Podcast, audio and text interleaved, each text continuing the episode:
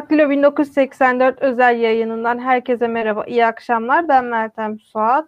Bugün konuğum Bilgi Üniversitesi Sosyoloji Bölümü öğretim üyesi Profesör Doktor Ayhan Kaya ile mülteciler ve ekonomi çıkmazını konuşacağız. Ayhan Hocam hoş geldiniz. Hoş bulduk, teşekkür ederim. E, siyaset bilimi e, bölümü desek daha doğru olur. E, Peki. Teşekkür ederim. Ayhan Hocam, e, şunu sorarak başlayayım. Bildiğiniz gibi Türkiye son e, iki sene içerisinde diyeyim ciddi bir ekonomik buhranın içerisinde. Bunu her ne kadar bazı ekonomistler ekonomik kriz olarak adlandırmasa da Türkiye son, son zamanlarda ciddi şekilde yoksullaşmaya başladı. Bununla mülteciler arasında bir ilişki var mı? Şu an yaşadığımız ekonomik buhranda bir mülteci faktörü ya da mülteci etkisi var mı? Onu sorarak başlayayım. Valla yani e, benim bulunduğum, benim baktığım pencereden e, baktığım zaman e, alan çalışması e, verilerini değerlendirdiğim zaman e, Türkiye'nin farklı şehirlerinde, farklı yörelerinde e, çok sıklıkla alan çalışmaları yapan bir sosyal bilimci olarak e, bir taraftan da e, Türkiye siyasetini e, takip eden, e, onun üzerine çalışan e, bir siyaset bilimci olarak e, Türkiye'de son birkaç yılda kendini fazlasıyla hissettiren ekonomik e, buhran e, çerçevesinde e, mülteciler konusunu değerlendirdiğimiz zaman e, bu süreçte e, mültecilerin e, çok önemli bir e, katkısı olduğunu düşünmüyorum. Yani krizin e, nedeni olarak e, mültecileri göstermek e, mümkün değil.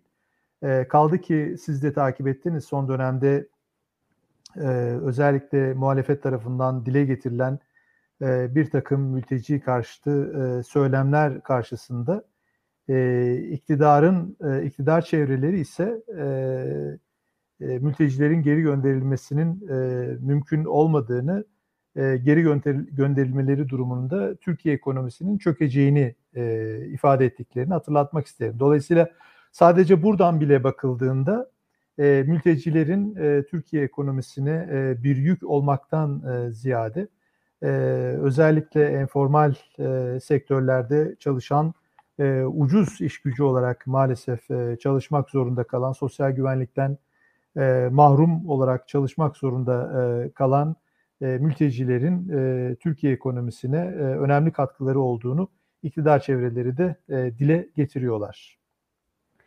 Hocam şimdi e, geçtiğimiz Ağustos ayında biliyorsunuz Altındağ'da Suriyelilere karşı e, bir olay gerçekleşti. O olayda Altındağ'da yaşayan vatandaşlar şunu ifade etmişler e, gazetecilere. Burada e, Suriyelilere tepki gösterilmesinin tek sebebi ekonomik problemler. Burada olduğu sürece ilçemiz yoksullaşıyor. Suriyeliler yüzünden gençlerimiz işsiz kalıyor o sebeple mülteciler gitmediği sürece burada olaylar çıkmaya devam edecek diye. E şimdi son dönemde baktığınızda birçok şehirde aynı özellikle bu Afgan mültecilerin Türkiye'ye göçünden sonra mülteci tepkisi daha çok artmaya başladı. Bunun sebebi e, sadece ekonomik kaygılar mı yoksa sizinle e, daha önce konuştuğumuzda e, Türkiye'de bir Arap fobi oluşta, oluşabileceğini de söylemiştiniz daha önce e, e, yaptığımız röportajda. Bunun sebebi Arap fobi oluşması mı yoksa ekonomik kaygı mı? Mültecilere evet, tepkinin evet. bu kadar artmasının sebebi. Şimdi e, maalesef e, son yıllarda Türkiye'de e, eleştirel e, söylemler kullanmak, e, e, uygulanan bir takım politikaları eleştirmek e, bir takım e, sorunları beraberinde getirebiliyor. Türkiye e, giderek kendi içine e, kapanan, e, eleştirel düşüncenin giderek e, baskı altında e, tutulduğu e, bir forma doğru e, ilerledi ve ilerlemeye devam ediyor.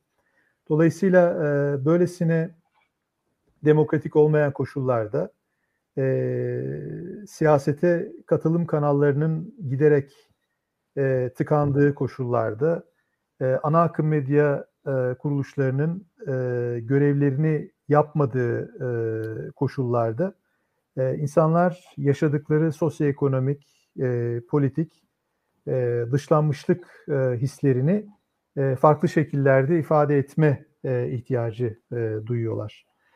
Dolayısıyla e, e, gerek Ankara'da e, ortaya çıkan bu gelişmeler, gerek bizim takip ettiğimiz ama e, yerel medya organlarını takip ederek e, hatırlatırım e, seyircilerimize, dinleyicilerimize Sakarya'da olmuştu, Hatay'da olmuştu, daha önce yine Ankara'da olmuştu, İstanbul'un e, bir takım mahallelerinde olmuştu. Bunları aslında 2017 yılından bu yana özellikle e, bizler araştırma yaptığımız için, yerel medya e, unsurlarını takip ettiğimiz için oralarda e, görebiliyoruz ama bu tür haberler e, ulusal medyada yer e, bulamıyordu. E, belli ki e, iktidar e, açısından da e, özellikle e, 2019 seçimlerinden sonra, yerel seçimlerden sonra e, büyük şehirlerin kaybedilmesiyle birlikte e, iktidar çevreleri de e, bu kaybın e, müsebbibi olarak belli ölçüde çok sayıda e, mülteci varlığı olarak e, gördüler. E, bu şekilde bir tespitte e, bulundular. Ve ondan sonradır ki zaten Türkiye'de e, sıklıkla İçişleri Bakanlığı tarafından yapılan açıklamalarda, İçişleri Bakanı'nın kendi e, basın açıklamalarında, her ay yaptığı açıklamada e, sürekli e, şu kadar e, göçmen geri gönderildi, şu kadar Suriyeli geri gönderildi şeklinde e, bir kampanya e, başlatıldığını görüyoruz. Dolayısıyla bu açılardan bakıldığı zaman bir taraftan e, maalesef e, muhalefetin araçsallaştırdığı e, mülteci karşıtlığı bir taraftan, öbür taraftan buna son yıllarda 2019 yerel seçimlerinden sonra e, iktidar çevrelerinin de en azından belli bir kısmının e, çanak tuttuğunu söylemek mümkün. Şuna gelmek istiyorum Meltem Hanım. E, muhalefet yapan e, toplumsal unsurlar, e, meşru siyasal katılım kanallarını e, kullanamıyorlar ise, e, muhalefet yapma biçimlerini e, alternatif e, şekillerde e, yeniden üretmek durumunda e, kalıyorlar. Maalesef e, günümüzde e, insanlar e, iktidara karşı olan e, muhalefetlerini, eleştirilerini e, buldukları savunmasız olduğunu düşündüğüm e, mülteciler üzerinden e, dile getirme eğilimindeler. E, bir anlamda mültecileri e, günah keçisi olarak e, savunmasız, günah keçisi olarak e, gördükleri için e, bu e, iktidara karşı olan e, siyasal e, muhalefetlerini e, mülteciler üzerinden e, dile getirdikleri e, kanaatindeyim. Dolayısıyla sorunuzun cevabı hayır sadece ekonomik e, değil, e, ekonomik olmaktan çok daha fazla e, sosyolojik ve e, politik olduğu e, kanaatindeyim. Şimdi Ayhan Hocam, e, Türkiye'de şöyle ifade edeyim, biliyorsunuz e, mültecilerle ilgili son zamanlarda birçok açıklama var. E, ben İstanbul Politika Araştırma Merkezi, İstanbul'un da yayınlanan Nezi akademisyen Nezih Onur Kuru ve Edgar Şan'ın birlikte hazırladığı bir mülteci raporunu okudum yayına hazırlanırken. Orada diyor ki mesela raporda İstanbulluların %78'i bugüne kadar hiçbir mülteciyle karşılaşmamış. Ama gene İstanbulluların neredeyse %80'i mültecilerin ülkesine geri dönmesini istiyor. Onlar %58'i mültecilerin savaş mağduru olmadığını söylüyor. E, ve çok ilginç bir şekilde bu mültecileri istemeyen kitle arasında e, ensar zihniyetiyle mültecileri ülkeye kabul eden Cumhur İttifakı'nın seçmeni var. MHP seçmeni neredeyse %90'ı mültecileri İstanbul'un en büyük problemi olarak görüyor. Bir de biliyorsunuzdur belki Bolu valisinin bugün e, yayınladığı bazı tweetler var. Orada mültecilere ne yapmaları gerektiğini söylüyor. Kadınlara sabit bir şekilde bakmayın. İşte baharatlı yemekler yapıp komşularınızı rahatsız etmeyin. Ee, gece 9'dan sonra dışarı çıkmayın, grup halinde gezmeyin diye. Benzer bir şekilde CHP'li Tanju Özcan'ın da e, mültecilerden daha fazla su faturası alacağız, daha fazla vergi alacağız açıklamaları var. Bu be, yerel yönetimin mülteciler olan tepkisi neden? Mülteciler şehirleri get dolaştırıyor mu yoksa altında farklı bir sebep mi yatıyor? Buna gelmek istiyorum. Şimdi Eee, Meltem Hanım, bu sadece İstanbul için geçerli değil. Eee, aynı zamanda, eee, bizim, eee, gerek İzmir, gerek Urfa, eee, gerek Bursa, Karacabey gibi, eee, illerde ve ilçelerde doğrudan, eee, yaptığımız, eee, araştırmalarda, eee, alan çalışmalarında sıklıkla karşılaştığımız, eee, eee, meselelerden bir tanesi. Eee, biz buna literatürde, eee, gettolaşma diyoruz veya paralel toplulukların, paralel cemaatlerin ortaya çıkma, eee, biçimi, eee, diyoruz. Eee, biraz önce siz de ifade ettiniz. Eee, Arabofobi olarak benim nitelendirdiğim, eee, bir, eee, Arap, eee, korkusunun, eee, özellikle büyük kentlerde, eee, sadece büyük kentlerde değil, İstanbul gibi, İzmir gibi büyük kentlerde değil, aynı zamanda, eee, Karadeniz, eee, bölgesinde de, eee, giderek, eee, kuntlaştığını, eee, kesif bir hale geldiğini, eee, gözlemlemek, eee, mümkün. Eee, özellikle milliyetçilik, eee, teorileri kullanılarak, eee, bu, eee, sorunsala bakıldığı zaman, bizi çok daha farklı yerlere, götürebiliyor. Hatırla hatırlarsanız 2015 yılında da kitlesel göçün aslında ilk yılları diyebileceğimiz 2015 yılında, eee, İslamcı şair İsmet Özel, eee, bir, eee, konuşmasında özellikle Suriyeli gençleri hedef alarak, eee, neden bu insanlar kendi ülkelerinde kalmadılar, kendi ülkelerini düşmana karşı, eee, korumadılar da, eee, gelip bizim ülkemize yerleştiler şeklinde bir, eee, söylem vardı ve bu söylem hiç de yabana atılır bir söylem değil. Çünkü o günden bugüne, eee, aslında, eee, çok fazla, eee, taraftarı olan, eee, çok fazla kişi tarafından savunulan, eee, bir söylem ki bu söylemin de, eee, çok, eee, uzun bir geçmişi var. Eee, yine dinleyicilerimize, seyircilerimize hatırlatmak gerekirse, eee, aslında, eee, yine hatırlayalım o dönemde, eee, Kahramanmaraş'a, eee, birtakım mültecilerin yerleştirildiğini, eee, hatırlayalım. Ki o dönemde, eee, HDP bunu, eee, ilk dile getirenlerden, akademik çevrelerde ilk dile getirenlerden bir tanesi bendim ama, eee, özellikle Güneydoğu'daki, eee, demografik yapının değiştirilmesi konusunda birtakım, eee, çabaların, girişimlerin olduğunu, eee, eee, dile getirmeye başlamıştı HDP ki HDP, eee, aslında 2015'e kadar, eee, mülteci yanlısı bir çizgideyken birden 2015 sonrasında mülteci karşıtı bir söylem, eee, kullanmaya, geliştirmeye başladı. Onun da nedeni iktidarın, eee, özellikle Güneydoğu'da Kürt sorunu, ııı, olarak nitelendirilen, eee, sorunu belli ölçüde kendileri açısından çözebilmek için demografik bir, eee, dönüşüm, eee, eee, dönüşüme gitmek, eee, Güneydoğu illerini, eee, Araplaştırmak, eee, şeklinde bir, eee, arzu içerisinde olduğunu yorumlamıştı HDP'liler. Eee, ve bu, ııı, çerçevede orada da bir Arap karşıtlığı, eee, olduğunu söylemek mümkün. Şimdi milliyetçilik açısından bakıldığı zaman, eee, bu coğrafya geç milliyetçiliklerin, geç kalan milliyetçiliklerin coğrafyası. Türk milliyetçiliği geç kalan bir milliyetçilik. Kürt milliyetçiliği keza yine öyle. Ermeni milliyetçiliği keza yine öyle. Süryani milliyetçiliği, Arap milliyetçiliği keza yine öyle. Bütün bu milliyetçilikler bu topraklarda tezahür ediyor. Dolayısıyla benim en başından beri Suriyeli, eee, göçünün en başından beri, eee, en büyük korkularımdan bir tanesi bu milliyetçi refleksin, eee, Türkiye'de, eee, uygun bir iklim bulduğunda yeniden tezahür edeceği şeklindeki bir, eee, korkuydu, eee, ve bunun bugünlerde, eee, gerçekleştiğini, eee, söylemek, eee, mümkün maalesef.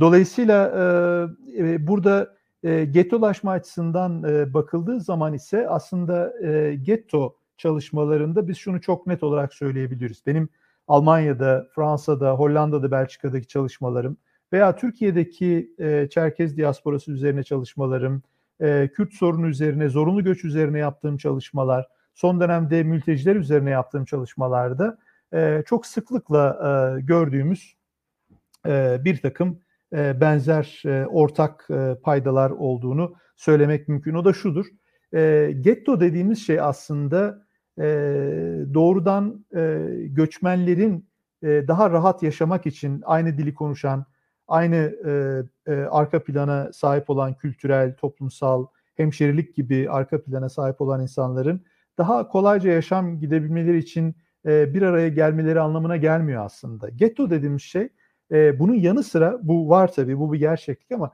bunun yanı sıra e, merkezi iktidarın yani devlet e, e, aktörlerinin e, zaman zaman yerel e, yönetimlerin e, bilerek isteyerek yaptıkları e, bir toplumsal örgütlenme e, modeli olarak karşımıza çıkıyor. Çünkü oradaki temel amaç e, bu tür grupları gettolaştırmak suretiyle e, entegre e, olmaktan, entegre etmekten e, kendilerini e, kurtarmak aslında. Gettolaştırmak ucuzdur, ekonomik olarak ucuzdur.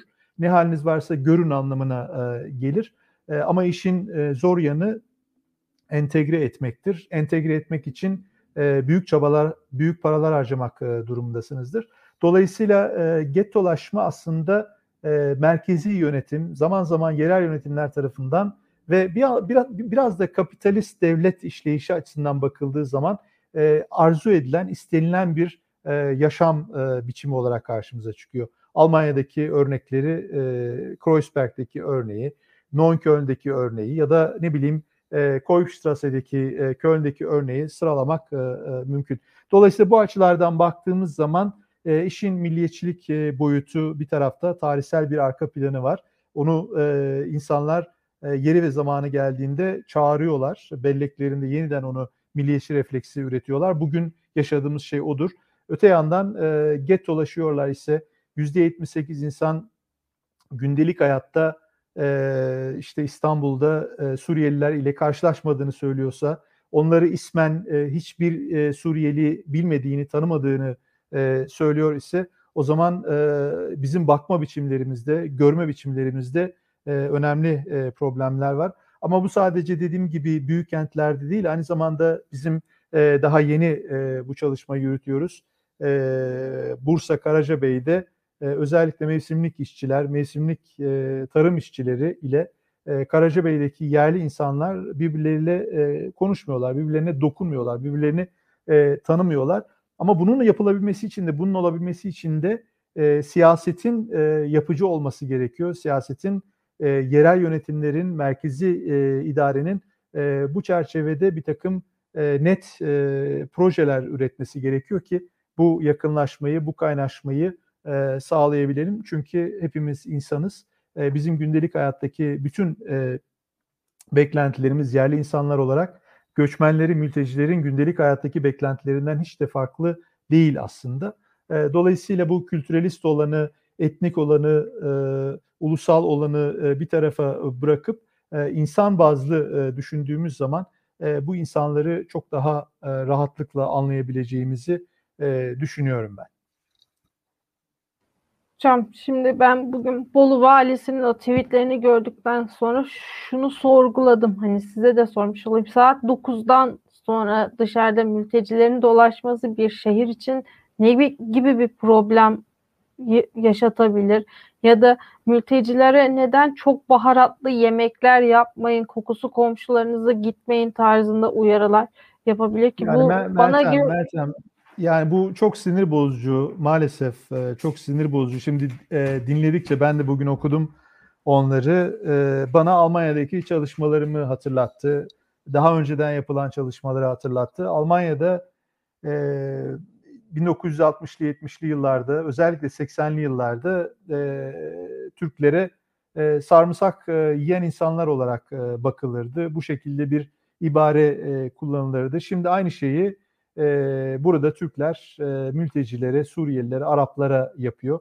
Yani mutfak üzerinden e, gastronomik bir takım e, semboller üzerinden e, giderek insanların e, kendinden olmayanı e, dışladığını, e, ayırdığını e, biliyoruz. E, gastronomik e, unsurları e, kullanarak zaman zaman kültürel unsurları e, kullanıyorlar. Zaman zaman e, fenotip e, yani e, yüze ilişkin ifadeleri, mimikleri kullanarak e, bunu yapıyorlar. Zaman zaman e, gündelik hayattaki e, davranış kalıplarını işte akşamları parklarda e, topluca gezmeler şeklinde veya e, akşamları geç saate kadar e, uyanık kalma şeklinde, e, kadınların sürekli süslenmesi şeklinde böyle e, stereotipler e, dediğimiz stereotip e, bir takım e, nitelemelerin olduğunu e, görüyoruz.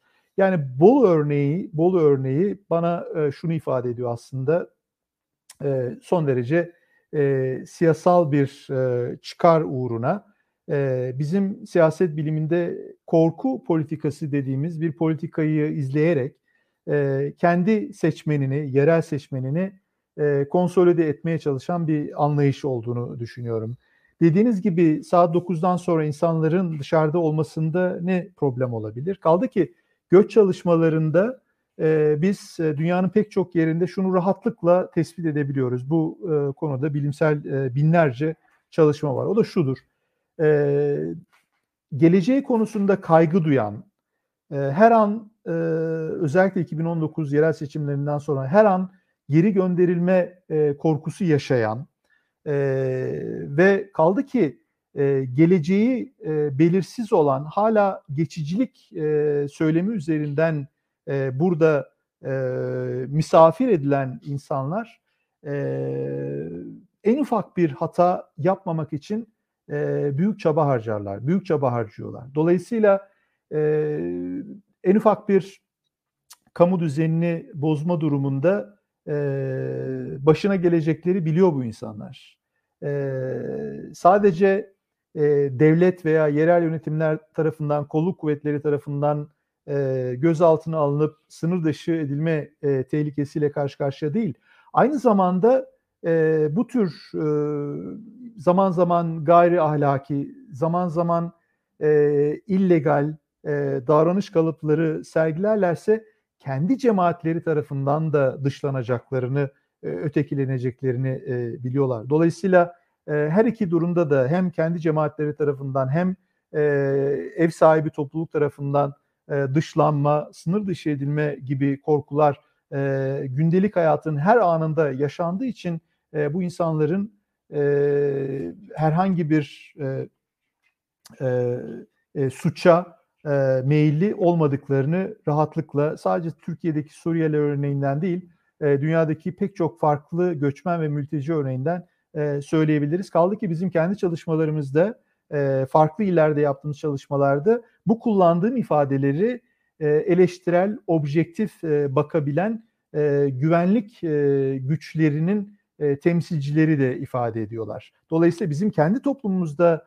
e, karşılaştığımız e, suç oranı e, mülteciler arasındaki karşılaştığımız suç oranının çok çok çok üzerinde. Bunun özellikle altını çizmekte e, fayda var. Dolayısıyla bu tür e, ifadeleri, ön yargılı ifadeleri, stereotiplere e, basma kalıp e, bir takım ifadelere, yargılara e, kapılmamak e, gerekiyor.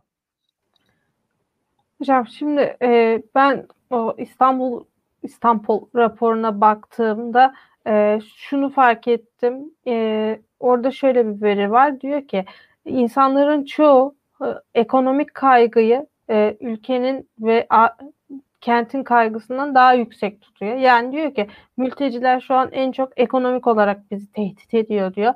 Ama bir yandan baktığımızda şu anda Türkiye'de kayıtlı çalışan 35 bin Suriyeli var. Kayıt dışı çalışanların sayılarının yüz binlerce olduğu söyleniyor. Yani baktığın zaman e, bir de ben mesela daha önce yaptığım bir haberde şöyle bir açıklama rastlamıştım. Orada diyordu ki konuştuğum kişi mültecileri gittikleri devlet hastanesinde vatansız olarak kaydediyorlar. Hani hastane sağlık sistemine. Şimdi bu mültecilere olan nefret, daha doğrusu toplumun yoksullaşması daha daha farklı tepkiler doğurabilir mi? Nasıl tepkiler çıkacak? Altın Dağ gibi tepkiler artacak mı? Yani zaten e, Altın Dağ gibi e, aslında olaylar e, uzun bir süreden beri vardı. E, biraz önce de ifade etmeye çalıştığım gibi ulusal medya e, buna yeterince yer vermiyordu. Ama belli ki son dönemde e, iktidar partisi de bu tür e, kamuoyu yoklamalarını e, yapıyor, e, görüyor. E, yani e, yakın zamanda yapılan kamuoyu yoklamalarında AKP seçmeninin bile yüzde sekseninin e, mülteci karşıtı bir e, tutum sergilediğini çok net olarak e, gösteriyor. Unutmayalım e, 2019 seçimlerinden hemen sonra İstanbul'da e, kaydı olmayan e, Suriyelilerin bir kısmının e, sınır dışı edildiğini, bir kısmının e, kayıtlı oldukları illere gönderildiklerini, dolayısıyla e, bu korkuyu sürekli yaşamak durumunda kaldıklarını e, biliyoruz. Bizim kendi çalışmalarımızda da mülakat yaptığımız e, Suriyelilerin çok önemli bir kısmı e, bu korkudan bahsediyorlardı. Şimdi e, yani e, öyle bir e, süreçten geçiyoruz ki e, biraz önce siz de ifade ettiğiniz bu ensar e, söylemi aslında e, uzun yıllar başarılı olarak e, karşımızda durdu. E, bu siyasal bir söylem, e, İslami e, bir e, retorik, e, özellikle kültürel ve dini yakınlığı, e, e, dini yakınlığın altını çizen ama Sünni Müslüman e, dini yakınlığın altını çizen bir e, retorik, bir e, söylem. E, fakat e, görünen o ki e, geçtiğimiz son birkaç yılda e, Türkiye'de artan ekonomik e, baskılar nedeniyle işsizlik, yoksulluk, pandemiyle birlikte bu zaten şu anda tavan yapmış durumda. Bir taraftan da siyasal ve toplumsal anlamda kutuplaşma e, ki son dönemlerde biz neyi tartışıyoruz? E, iktidarın değişmesi durumunda e, mütedeyyin kitlenin e, bir takım korkulara kapıldığını e, gözlemliyoruz.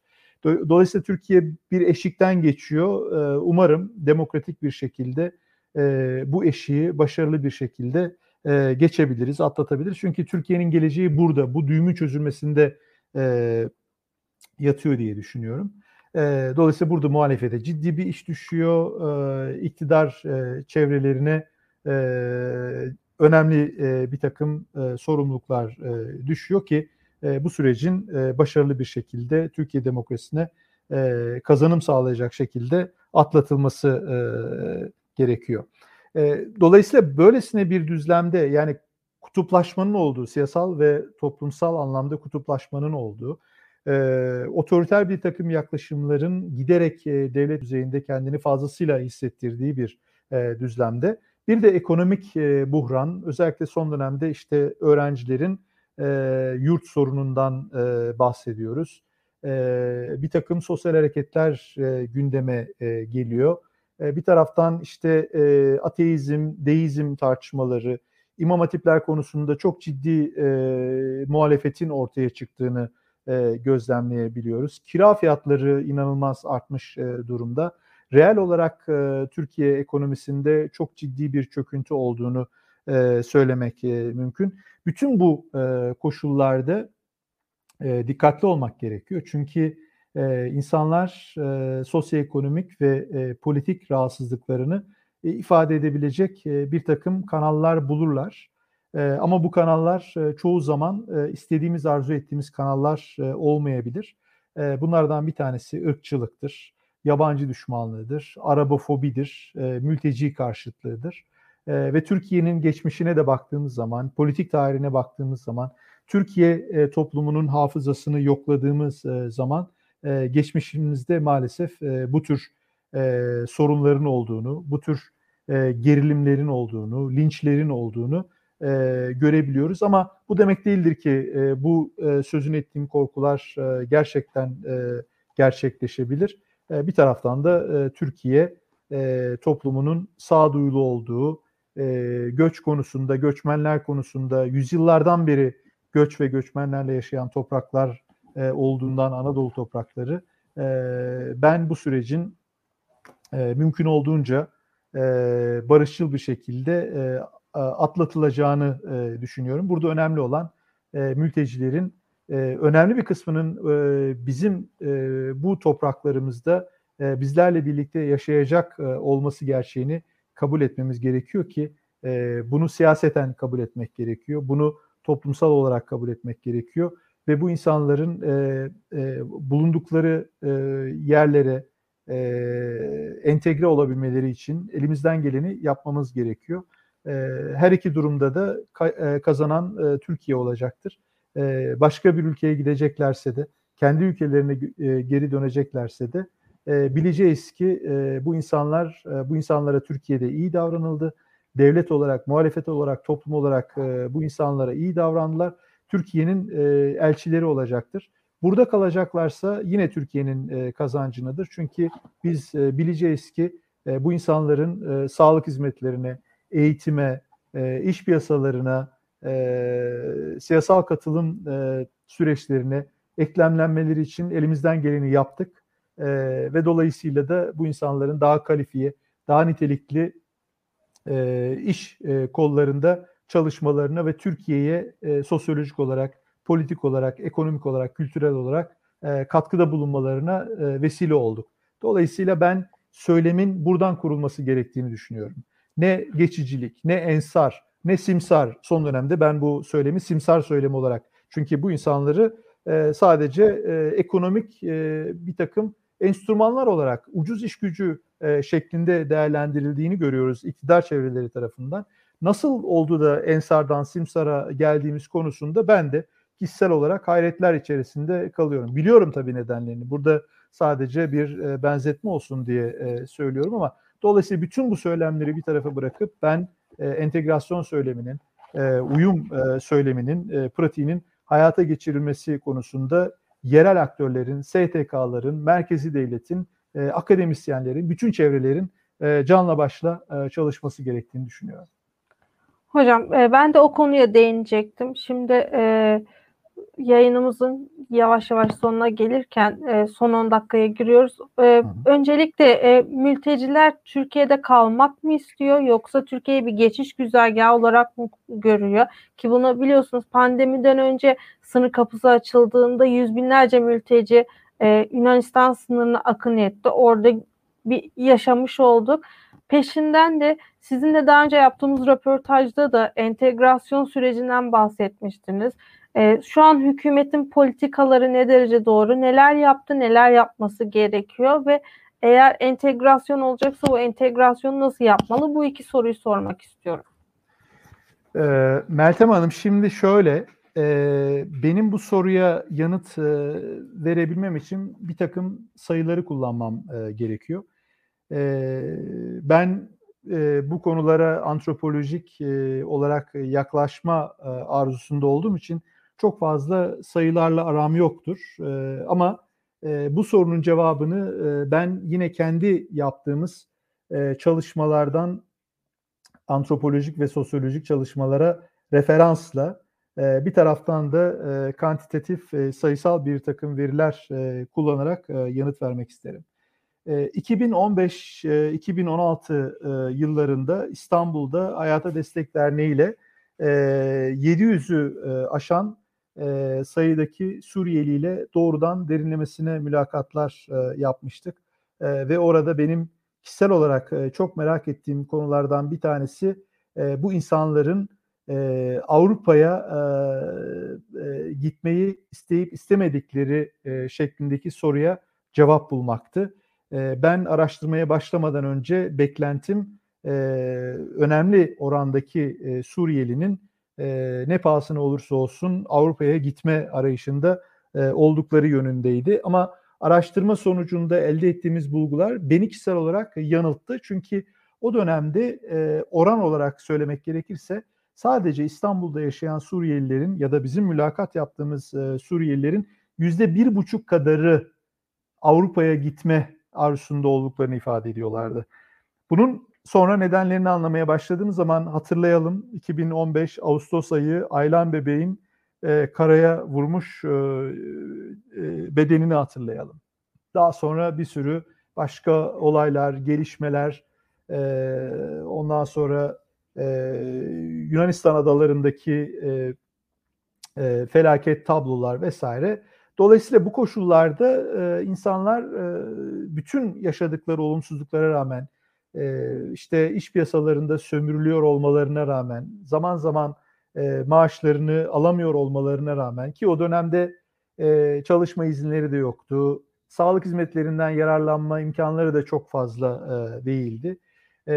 Bu koşullarda her şeye rağmen işte akşam eve geldiklerinde ezan sesini duyuyor olmanın onlara verdiği huzur ile birlikte bu topraklarda bulundukları yerlerde hele biraz da iş yapabiliyorlarsa İstanbul gibi büyük kentlerde, Bursa, İstanbul, İzmir gibi büyük kentlerde, Adana, Mersin gibi yerlerde e, hayatlarını devam ettirmeye e, çalışıyorlardı. Benzeri sonuçları daha sonra e, Koç Üniversitesi'nden arkadaşımız e, Sınmaz Demir ve diğerlerinin yaptığı çalışmada da e, bir süre sonra yapılan bir çalışmaydı o 2016 yılların sonlarına doğru, 2016 yıl sonlarına doğru. Orada da yaklaşık 3 e, e, farklı şehirde bu çalışma yapılmıştı. İstanbul'da bunlardan bir tanesiydi. %4 e, civarında, %4, %4,5 civarında bir Suriyeli kitlenin Avrupa'ya gitme arzusunda olduğunu göstermişti. Aynı nedenlerden ötürü. Kültürel yakınlık, işte kendisini burada daha rahat hissediyor olma biçimi ki bunun literatürde karşılığı var. Ama bugüne gelindiğinde 2019-2020 e, tarihlerine gelindiğinde e, bizim yine e, kantitatif bir çalışmamız vardı. E, Respond adlı bir e, Avrupa Birliği projesinde. Orada şunu gördük. 2019 yılında e, İstanbul'daki e, mülakat yapılan Suriyelilerin yaklaşık %30'unun e, Avrupa'ya gitmeyi arzu ettiğini e, gözlemleyebildik. Daha sonra Murat Erdoğan'ın çalışmalarında e, benzeri rakamlara erişildiğini e, gözlemleyebiliyoruz. Bu ne demek? E, bu artık e, kültürel yakınlık, e, dini yakınlık, e, ensar gibi söylemlerin e, Suriyeliler arasında bile hükmünü yitirmeye başladığını gösteriyor. E, bunun önemli olduğunu düşünüyorum. Dolayısıyla eğer ki e, koşullar e, bu şekilde Suriyelileri zorlamaya devam ederse e, ben e, yine e, uygun zaman e, geldiğinde, iklimsel açıdan uygun zaman geldiğinde insanların tek bir umut olarak gördüğü Avrupa'ya akın etme için fırsat kollayacaklarını düşündüğümü söylemek isterim. Dolayısıyla durum bu. Şu anda giderek onlar açısından zorlukların arttığını gözlemleyebiliyoruz. Kaldı ki yerli insanlar açısından da e, işte işsizlik e, yerli insanları fazlasıyla etkiliyor. E, nereye gidersek gidelim e, işte Avrupa Birliği tarafından Suriyelilere yapılan e, yardımlar, aynı yardımlar, nakdi yardımlar karşısında e, ya da bir takım STK'lar tarafından bu insanlara yapılan aynı ve nakdi yardımlar karşısında e, yerli halkın zaman zaman e, kıskançlık e, haklı olarak aslında kıskançlık e, sergilediklerini e, görmek mümkün. Çünkü bu yoksulluğa işaret ediyor. Bu yoksunluğa işaret ediyor. Eşitsizliğe işaret ediyor vesaire vesaire. Şimdi e, sorunuzun ikinci e, kısmında entegrasyon konusunda neler yapılabilir e, sorusunun yanıtını şu şekilde vermek mümkün. Entegrasyon dediğimiz şey aslında Türkiye'de ona uyum diyorlar. Göç İdaresi Genel Müdürlüğü uyum kavramını e, daha benimsemiş e, durumda. E, entegrasyon kavramı Avrupa'daki geçmiş 10 yıldaki tartışmaları göz önünde bulundurduğumuz zaman maalesef daha çok kültürel işte kaynaşma açısından tanımlanır. E, içinde bulunduğunuz ülkenin, toplumun dilini öğrenmek, kültürel kodlarını öğrenmek, değerlerini öğrenmek entegrasyonun en önemli unsurları olarak e, değerlendirilir.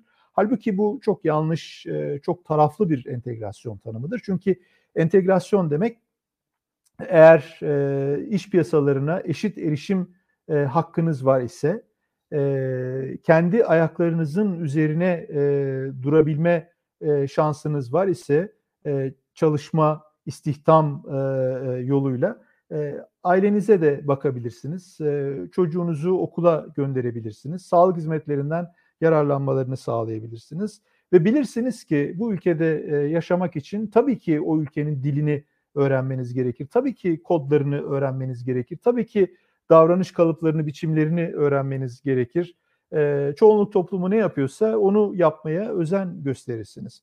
Ama eğer yapmıyorsanız, bunu yapmıyorsanız burada bence asıl mesele çoğunluk toplumunun veya devletin sizi içine alma, sizi içeriye alma, sizi entegre etme gibi bir kaygısının olmadığını düşündüğünüzden ayrık davranmaya başlıyorsunuz. Eğer ki bilseniz ki bu devlet sizi entegre etmeye çalışıyor, bu toplum sizi içine almaya çalışıyor, aynı zamanda e, bu toplumun bireyleri e, Araplara, e, Kürtlere, göçmenlere, Çerkezlere, Alevilere, başka bir takım e, farklı unsurlara, Hristiyanlara e, de daha empatiyle yaklaşmaya e, çalışıyor şeklinde bir inancınız olursa o zaman siz de e, sarılırsınız. E, bu insanlarla birlikte kol kola yaşam sürmeye, entegre olmaya çalışırsınız. Ama belli ki bu yok. Belli ki dışlayan, e, tanımayan, e, saygı duymayan e, bir çoğunluk var. Çoğunluklar genellikle ürkütücüdür. Çoğunluklar e, e, yok etmeye, e, kendisinden olmayanı, kendisine benzemeyeni e, ya tamamıyla dışarıda bırakmaya ya da içine alıp asimile etmeye e, her zaman e, çalışıyor. E, dolayısıyla bunları e, görmek e, gerekiyor. E, ama öte yandan e, işin bir de olumlu açı, e, açılarından bakmak gerekirse son olarak e, Meltem Hanım şunu söylemek mümkün. E, MyPex diye bir e, kuruluş var Belçika'da. E, MyPex.eu şeklinde e, girip e, isteyenler e, yaklaşık 50 kadar ülkenin entegrasyon karnesini e, yayınlar bu kuruluş. Türkiye'deki temsilcisi de e, Bilgi Üniversitesi olarak biziz. E, bizim onlara sunduğumuz verilerle bu karneyi tutuyorlar. E, şu kadarını söyleyebilirim. 2015'teki e, karnemiz 38 ülke arasında e, sonuncu idik. Ama e, 2015'ten bugüne gelinceye kadar 2020'ye geldiğimiz zaman 2020 karnemizin son derece parlak olduğunu söylemek mümkün. Özellikle göçmenlerin, mültecilerin e, sağlık hizmetlerine erişimi, e, eğitim hizmetlerine erişimi, vatandaşlık e, hizmetlerine erişimi e, gibi konularda Türkiye pek çok Avrupa Birliği'ni, Birliği ülkesini geride bırakacak şekilde önemli bir mesafe kat etmiş durumda. Son yıllarda yerel yönetimler de çok başarılı hizmetler üretiyor. İstanbul Büyükşehir Belediyesi Birleşmiş Milletler e, Mülteciler Yüksek Komiserliği ile birlikte bir protokol imzaladı. Dolayısıyla mülteciler konusunda e, çok farklı yaklaşımlar e, sergilemeye başladılar. Kent konseylerinde mültecilere, göçmenlere yer veriyorlar.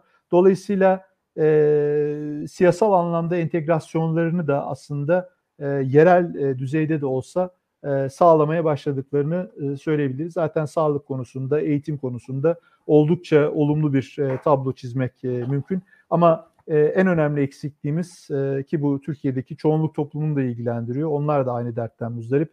En önemli eksiğimiz e, işsizlik, e, yoksulluk. Hala çok önemli bir kısmı açlık sınırının altında yaşayan insanlardan bahsediyoruz. Bırakın yoksulluk sınırını, açlık sınırının altında yaşayan insanlar. Evet hocam katılıyorum. Yani sadece e, Türkiye'de evet şu an ekonomik buhran var ama bunu e, izleyicilerim isterse derin yoksulluk ağının yaptığı araştırmalara da girip bakabilir. Oradaki raporların çoğunda mültecilerin çocuklarını mama yerine şekerli suyla beslediği, e, altlarına bez yerine gazete kağıdı bağlamak zorunda kaldığını net bir şekilde verilerle ifade ediyor. Yani evet şu an bir yoksullaşma var ama mülteciler de neredeyse bizimle birlikte yoksullaşıyor. Hocam çok teşekkür ederim. Yayınımızın sonuna geldik. Katıldığınız için, değerli vaktinizi ayırdığınız için. Rica ederim tak- Meltem. Ben teşekkür ederim. Tek bir e, cümleyle e, bitirmeme müsaade edin. Tabii. Yani e, insan olarak baktığımız zaman, antroposentrik bir yaklaşımla baktığımız zaman bu insanların e, yurdu, nereden geldiği, etnisitesi, dini, e, mezhebi hiç önemli değil e, insanlara yardım ettiğimiz zaman, onların derdine e, deva olmaya çalıştığımız zaman e, bu bize de iyi gelecektir. Kendimizi iyi hissetmemize e, olanak tanıyacaktır. Bunu ancak bizler çözebiliriz.